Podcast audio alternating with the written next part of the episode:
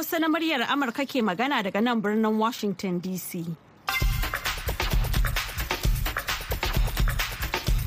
Jama'a masu sauraro Assalamu alaikum barkanmu da wannan lokaci da fatan an waye gari lafiya. Maryam Dauda ce tare da Baba Yakubu Makeri da sauran abokan aiki. Muke farin cikin gabatar muku da wannan shirin na safe a yau Laraba ɗaya ga watan Maris na shekarar 2023. To kafin ku ji abubuwan da muke tafa da su da farko ga kanan labarai. To Maryam hukumar zaɓen Najeriya mai zaman kanta ta INEC ta bayyana Bola Tinubu na jam'iyyar APC a matsayin wanda ya lashe zaɓen shugaban kasa da aka yi a ranar Asabar 25 ga watan Fabrairu.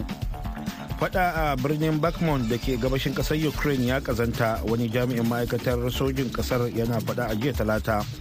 Kana hukumar sa ido akan makamashin nukuliya ta majalisar ɗinkin duniya tana cikin tattaunawa akan dalilin inganta sanadarin uranium na iran zuwa kashi 83.7 cikin 100 wanda ya kai kusan na kera makamai a ma'aikatar ta sarrafa makamashi da ke fodo.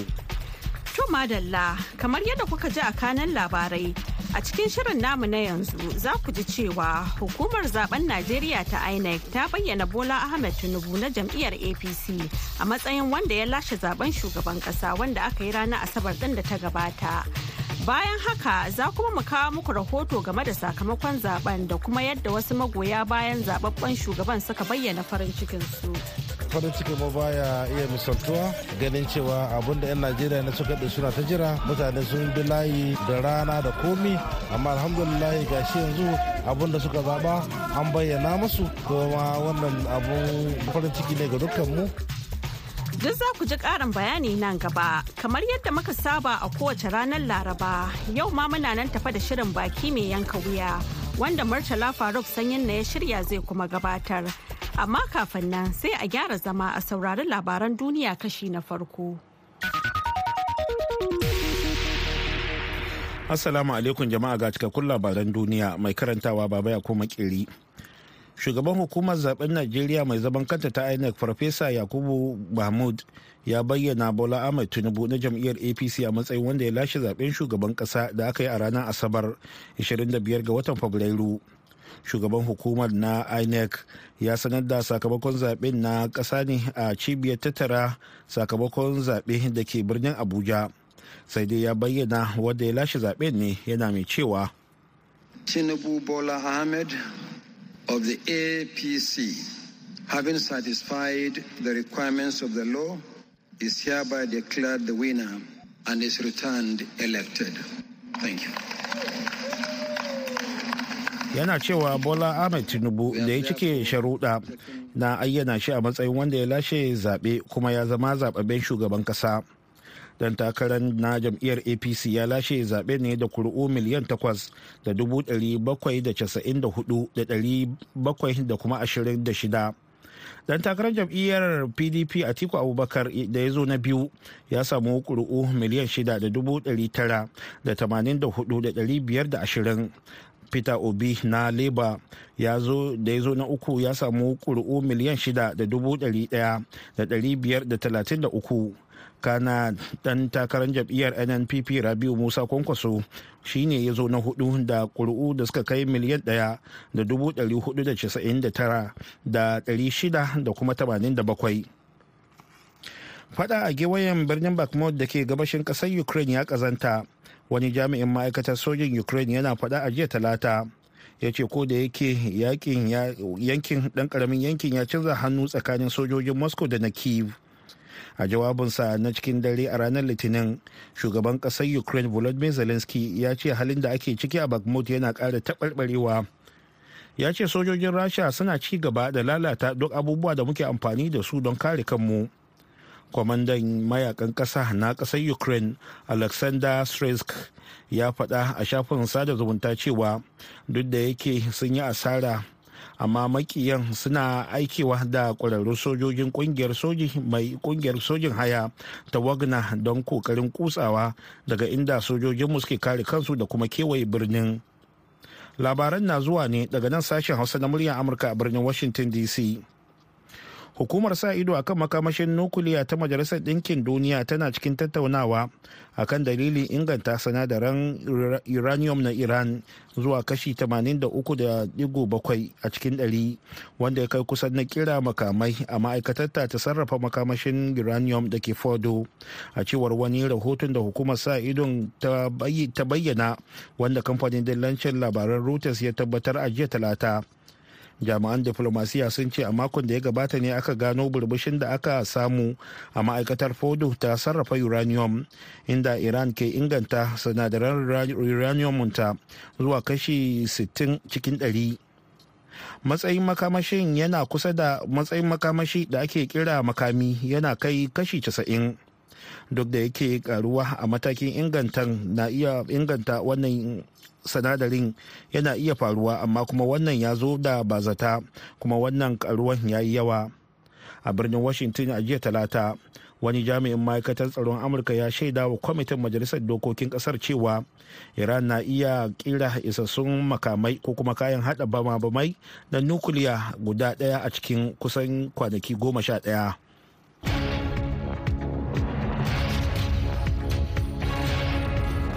madalla kafin ku ji karashen labaran duniyar za mu leƙa birnin tarayya Abuja. Bayan kammala ƙidaya da tattara sakamakon zaɓen shugaban ƙasa da safiyar yau hukumar zaɓen Najeriya mai zaman kanta ta INEC ta ayyana Bola Ahmed Tinubu na jam'iyyar APC a matsayin wanda ya lashe shugaban ƙasa da aka yi ranar 25 ga watan Fabrairun da ya gabata. Na tuntuɓi babbar editar sashen Hausa na murya Amurka Grace Alheri Abdu da ke birnin tarayyar yanzu haka game da batun ga abin da ta ce. yanzu haka muna ƙarfe 4 da minti 25 na asuba a nan najeriya muna babban zauren ɗakin taro na ƙasa da ƙasa inda aka sanar da sakamakon zaɓe shugaban hukumar zaɓe Profesa mahmud yakubu ya sanar da ɗan takarar shugaban ƙasa na jam'iyyar apc bola tinubu a matsayin wanda ya lashe zaɓe da kuri'u miliyan 8 da 794 da 526 sai mai bin sa na kurkusa wanda ya zo na biyu kenan dan takarar jam'iyyar pdp alhaji atiku abubakar ya sami kuri'u miliyan shida da dubu ɗari tara da tamanin da huɗu da ɗari biyar da ishirin sai kuma jam'iyyar labour dan takarar jam'iyyar labour peter obi ya zo a matsayi na uku da kuri'u miliyan shida da dubu ɗari ɗaya da ɗaya da ɗari biyar da talatin da uku yayin da dan takarar jam'iyyar nnpp ya sami kuri'u miliyan ɗaya da dubu ɗari huɗu da casa'in da shida da ɗari shida da tamanin da bakwai. To waɗannan 'yan takara guda huɗu daga cikin 'yan takara goma sha takwas da suka tsaya takara su ne suka samu cin zaɓe a waɗansu jihohi inda shi ɗan takarar jam'iyyar nnpp rabi musa kwankwaso ya ci zaɓe a jihar kano. Shi dan takarar jam'iyyar labour party ya ci zaɓe a jihohi goma sha ɗaya da kuma babban birnin tarayya abuja ya ba shi sha biyu. Sai kuma jam'iyyar pdp da apc su kuma suka ci zaɓe a jihohi goma sha biyu. To inda aka raba gardama shine yawan kuri'u da waɗannan 'yan takara suka samu. To a lokacin da hukumar zaɓen INEC ta gabatar da sakamakon zaɓen wakilan sauran jam'iyyu suna a wurin? Kuma sannan sun amince da sakamakon da aka gabatar? To tun a rana ta biyu ta sanar da fara sanar da sakamakon zaɓen nan dai manyan jam'iyyun hamayya wato jam'iyyar pdp jam'iyyar labour da kuma wata jam'iyya jam'iyyar adc dai suka fita karara suka nuna rashin amincewa da yadda aka tara sakamakon zaɓen suka nemi a yi saken to har ya kai ga bayan yar hayaniya suka janye daga zuwa inda ake sanar da sakamakon zaɓen nan baki ɗaya suka kaurace ma sanar da sakamakon zaɓen har ma suka kira taron manema labarai inda suka nuna rashin goyon bayansu da kuma kin amincewa da wannan sakamakon zaɓe. Sabili da haka su ba sa wannan zaure a lokacin da aka sanar da sakamakon zaɓen To yanzu yau dai kusan kwana huɗu kenan da aka gudanar da babban zaɓe a Najeriya. Shin ko wanne dalili ne ya sanya hukumar INEC bata sanar da sakamakon ba sai yau safiyar Laraba? To kamar yadda aka saba da Maryam a sanin kowa ne idan aka yi zaɓe akan tattara sakamakon zaɓen ne mataki-mataki daga matakin mazaɓa za a kai shi a ƙaramar hukuma daga ƙaramar hukuma za a kai ta sakamakon zaɓen jiha. Daga jiha za a tattaro sakamakon zaɓen a kawo shi nan babban birnin tarayya abuja. Zaben shugaban ƙasa kenan. To matakan da aka bi kenan har zuwa inda muke a halin yanzu. Da yake jihohi ne suna da nisa ko wace jiha sai lokacin da ta kawo jihar ekiti ta zama zakara a kowace shekara. Ita kan kasance jihar farko da take kawo sakamakon zaɓe. Ita jihar ekiti ta kawo sakamakon ta tun ranar lahadi. Ranar litinin aka yi jihohi goma sha uku. Jiya talata aka yi karasa kusan za a ce an ɗauki kwanaki huɗu ana sanar da sakamakon zaɓen nan baki ɗaya har zuwa ƙarshen yau da aka kammala. Grace Alheri Abdu babbar editar sashen Hausa na muryar Amurka kenan muna kuma tafa da ƙarin bayani a rahotonmu na gaba. To shirye-shiryen na zuwa muku ne daga nan sashen Hausa na muryar Amurka a birnin Washington DC. Yanzu kuma ga ƙarashen labaran duniyar. An sanar da manyan 'yan majalisar dokokin amurka a jiya talata kan binciken wasu takardun bayanan sirri da aka samu a hannun shugaba joe biden da tsohon shugaban ƙasar donald trump da kuma tsohon mataimakin shugaban kasa mike pence. Daraktan hukumar leƙen asiri ta amurka avril hines yana cikin yana cikin jami'ai da suka yi ganawar sirrin ta kusan sa'a guda da shugabannin majalisun ƙasar shugabannin majalisar wakilai da na dattawa na cikin waɗanda suka halarci zaman jin bahasin tare da shugabannin kwamitocin tattara bayanan sirri na majalisun guda biyu. 'yan majalisar ba su yi bayanai ba akan abin da tattaunawar ya ƙunshi bayan da suka fice daga jin bahasin 'yan republican da na democrat dukkaninsu sun daɗe suna neman ƙarin bayani akan nasarori da aka samu akan wannan bincike da ake yi na takardun bayanan sirri da aka gano a gidajen shugabannin ƙasar guda biyu da kuma mataimakin shugaban ƙasa. Amurka dai ita ce kadai take da ikon adana abubuwa da suka shafi bayanan sirrin ƙasar da kuma yadda za a kula da su. Shugabannin kwamitocin tattara bayanan sirrin sun bayyana damuwa akan yiwuwar fallasa muhimman bayanan sirri da ke kunshe a cikin takardun. A ƙarshe a jiya talata wata kotun ƙasar turkiya ta ɗaure wani ɗan jarida watanni goma a gidan yari saboda baza labaran ƙarya. Karin farko da aka yi hukuncin ɗauri a ƙarƙashin dokar da masu sukan lamiri suka ce tana barazana ga 'yancin faɗar albarkacin baki. Hukuncin kotu na zuwa ne watanni huɗu bayan da majalisar dokoki ta tabbatar da dokar labaran karya da jam'iyyar shugaba ratib tayyip erdogan ta ak ta ce za ta hana jama'a yada labaran karya ko kuma labaran yaudarar jama'a labaran duniya kuka saurara daga nan sashen hausa na muryar amurka a birnin washington dc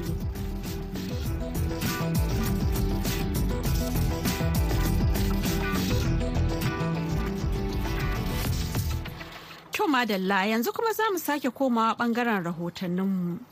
Kamar yadda kuka ji a baya a yau laraba ɗaya ga watan Maris ne hukumar INEC ta Najeriya ta ayyana ɗan takarar jam'iyyar APC Bola Ahmed Tinubu a matsayin wanda ya lashe zaɓen shugaban ƙasa a Najeriya bayan da ya fi sauran 'yan takarar samun yawan kuri'u.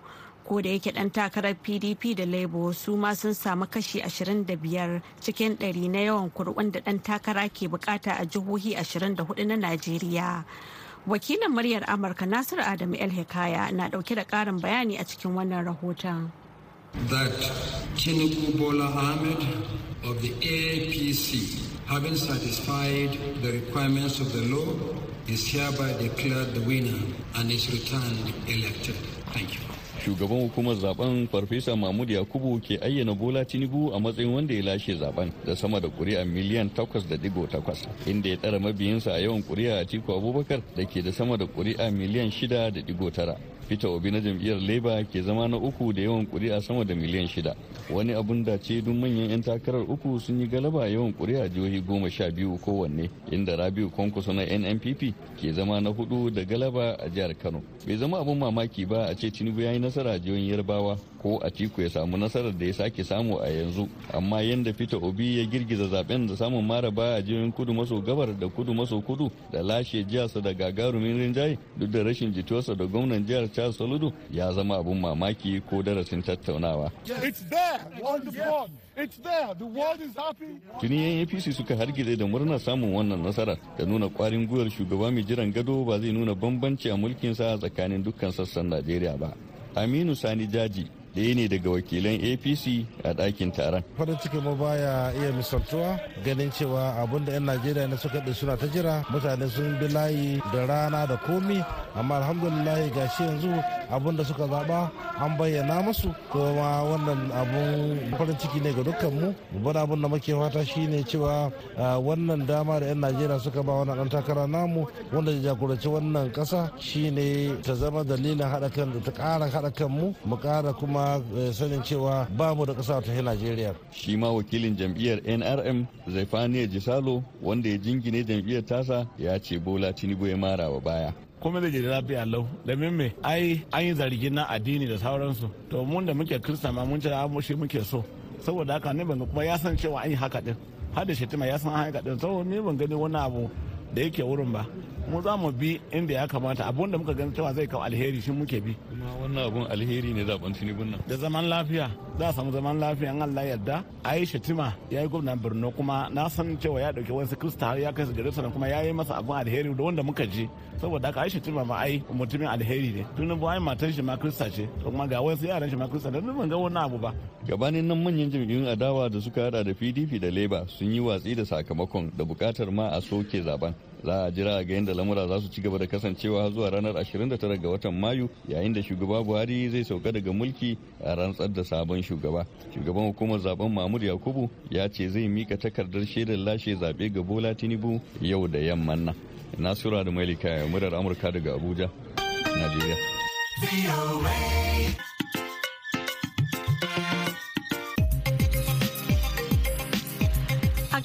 Nasiru Adamu El Hikaya shirye-shiryen na zuwa muku ne daga nan sashen Hausa na muryar Amurka a birnin Washington DC akan mitoci goma sha shida ashirin da da kuma talatin da ɗaya. To yanzu kuma ga shirinmu na gaba. Baki mai yanka wuya.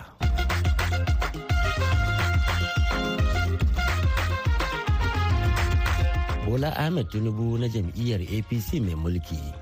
Ya lashe zaben shugaban kasa na Najeriya.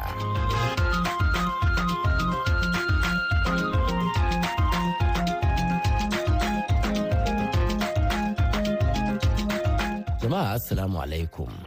That Tinubu Bola Ahmed of the APC having satisfied the requirements of the law is hereby declared the winner and is returned elected. Thank you. Shugaban hukumar zaɓen Najeriya kenan Farfesa Mahmud Yakubu yake bayyana sakamakon zaɓen ƙasar da aka gudanar a ranar Asabar ɗin nan da ta gabata. Inda kuma ya ayyana ɗan takarar jam'iyyar APC mai mulki Bola Ahmed Tinubu a zaman wanda ya lashe zaɓen na shugaban ƙasa. Tinubu ya sami wannan nasara ne sakamakon samun ƙuri'u miliyan 8,794,726 inda ya doki manya abokan takararsa a tiku abubakar na jam'iyyar pdp da ya sami ƙuri'u miliyan 6,984,520 sai peter obi na jam'iyyar labour party da ya sami ƙuri'u miliyan 6,101,553 da kuma rabi'u musa kwankwaso na jam'iyyar nnpp wanda yake da ƙuri'u miliyan ɗaya da dubu ɗari huɗu da casa'in da shida da ɗari shida da tamanin da tara. Grace alheri abdu da ke zauren tattara sakamakon zaɓen na shugaban ƙasa a abuja ta yi mana fashin baki kan sakamakon zaɓen to wannan zaɓen dai babu shakka murtala an fafata fafatawa mai zafi kuwa kamar yadda masu harsashe suka faɗa tun farko. Inda manyan jam'iyyun nan duka suka kusan yi tafiya keke da keke jam'iyyar apc ta samu jihohi goma sha biyu jam'iyyar pdp ta samu jihohi goma sha biyu shi jam'iyyar labour ta samu jihohi goma sha ɗaya ta kara da babban birnin tarayya abuja ya bata sha biyu sai kuma jam'iyyar nnpp ta lashe zaɓe a jihar jiha guda ɗaya. To abin da zai raba gardama a wannan zaɓe shine ko a cikin waɗannan 'yan takara guda uku da suka samu sha biyu nan wanda zai samu kuri'u mafiya yawa bisa ga sharɗa da hukumar dokar zaɓe ta gindaya To sai dai yayin da jam'iyyar APC ta gaggauta yin na'am da sakamakon zaɓen tare da godiya ga 'yan Najeriya. Manyan jam'iyyun adawa sun yi watsi da sakamakon, inda tun ma kafin a kammala bayyana sakamakon suka kaurace wa zauren tattara sakamakon zaɓen suka kuma yi kiran da a soke zaɓen baki ɗaya. Daya daga cikin wakilan jam'iyyun na adawa daga jam'iyyar PDP ya yi bayanin dalilin su na ɗaukar wannan matakin. sunana Ladan Salihu mai ba da shawara ne ga neman yaƙin zaɓe na presidential campaign council na na Atiku Abubakar. Alhamdulillahi a gaskiya wannan tsarin ya taho mana bambara kwai. Akwai tsagwaron kumbure da almundahana da wasu abubuwa waɗanda ba za ka iya fassara su ba saboda wato ya taho mana tamkar coge shi yasa ka ga gaba ɗaya lokacin da aka zo ake wannan al'amari a wannan a yau ɗin nan ainihin jami'anmu gaba ɗaya muka suka janye daga wurin wannan inda ake wato tantance kuri'u kuma ake ba da bayanin sakamako na jihohi a ɓangaren shugaban ƙasa da kamar yadda kuka gani. A kana ce coge da kuma wata almundahana kamar yadda ka yi zargi shin menene kake nufi da wannan waɗanne abubuwa ne aka yi da suka nuna muku haka? To, mai sauraro in za ku tuna ai an yi maganganu a kan Bivas wannan mashin wanda yake ɗaukan hoto don wanda kuma zai fito da dukkan bayanai game da wanda yake kaɗa ƙuri'a.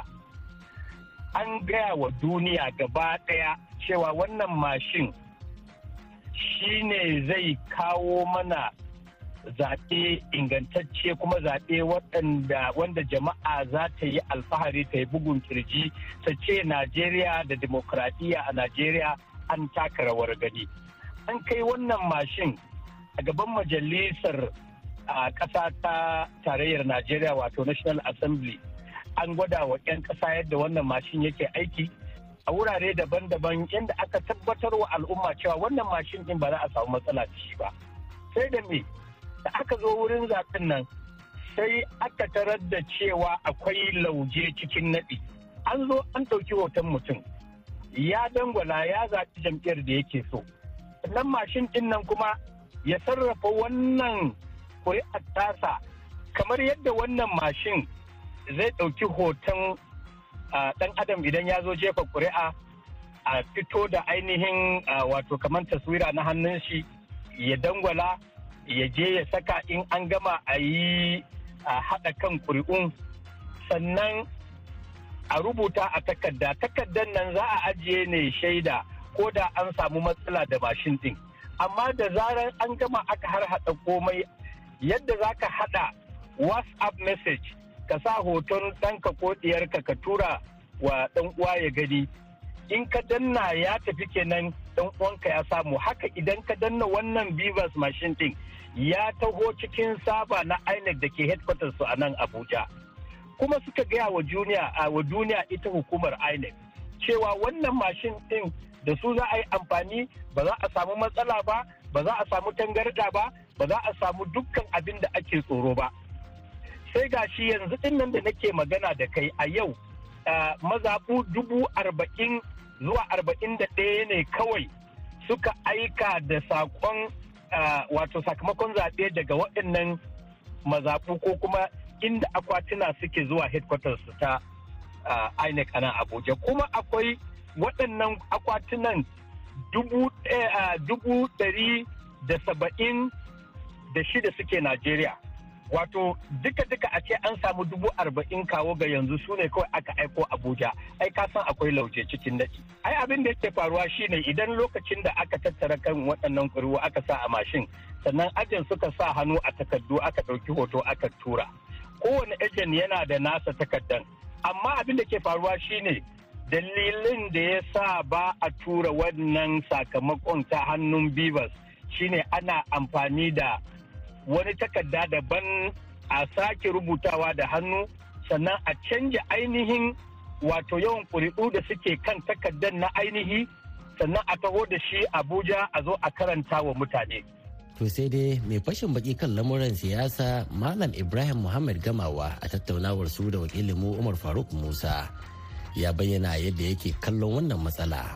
Gaskiya zaɓe ne wanda ni na jima ban ga zaɓe irinsa ba. Kuma hakikanin gaskiya waɗanda suke kuka da zaɓen a yanzu da farko sun gaya ma duniya cewa sun yi na'am kuma sun yi murna da yadda suka ga jami'an tsaro suka daddaka dukkan ko ina don hana waɗanda suke bata gari su shiga wannan al'amari. To amma abin takaici kuma bayan an kammala zaɓen suka ga sakamako na farko yana musu yadda suke so daga baya kuma sai suka ga cewa lallai an zo raba giwa su fita haka sun za su tashi da bindi. Maimakon su samu cinya da kari da sauransu shine yanzu suka ta da hayaniya da kace na ce. Amma da akwai kyakkyawar niyya tunda an san ba a nan maganar take tsaya ba. Kusan duk wani zaɓen da aka yi a Najeriya tun daga na shagari har wanda Buhari ya kai na ƙarshe wato sai da aka je kotuna. Babu ne ban san wani zaɓe a Najeriya na kasa wanda aka tsaya kawai daga yin sa in banda Jonathan da ya ce ya yarda da zaɓen da aka yi na Buhari ba. Shi ma an zuga shi an ce je kotu amma yake sun san cewa ba nan ba ne ƙarshen abun ba. Ya kamata a je kotu a gabatar da duk wani korafi. Amma suka tsaya a wajen waɗansu suka yi hali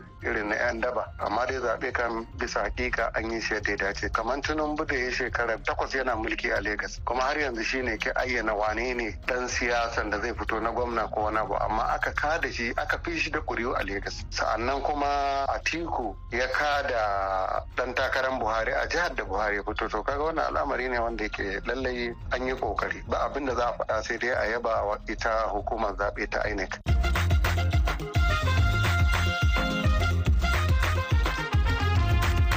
To saboda ƙarancin lokaci a nan za mu dasa aya sai mako mai zuwa inda za mu kawo muku wani sabon shiri. Godiya ga abokiyar aikinmu Grace Alheri Abdu sai Jumbi Hamza da ya daidaita mana sautin shirin. Murtala Faruk Sanyin na ke muku sallama daga Washington DC.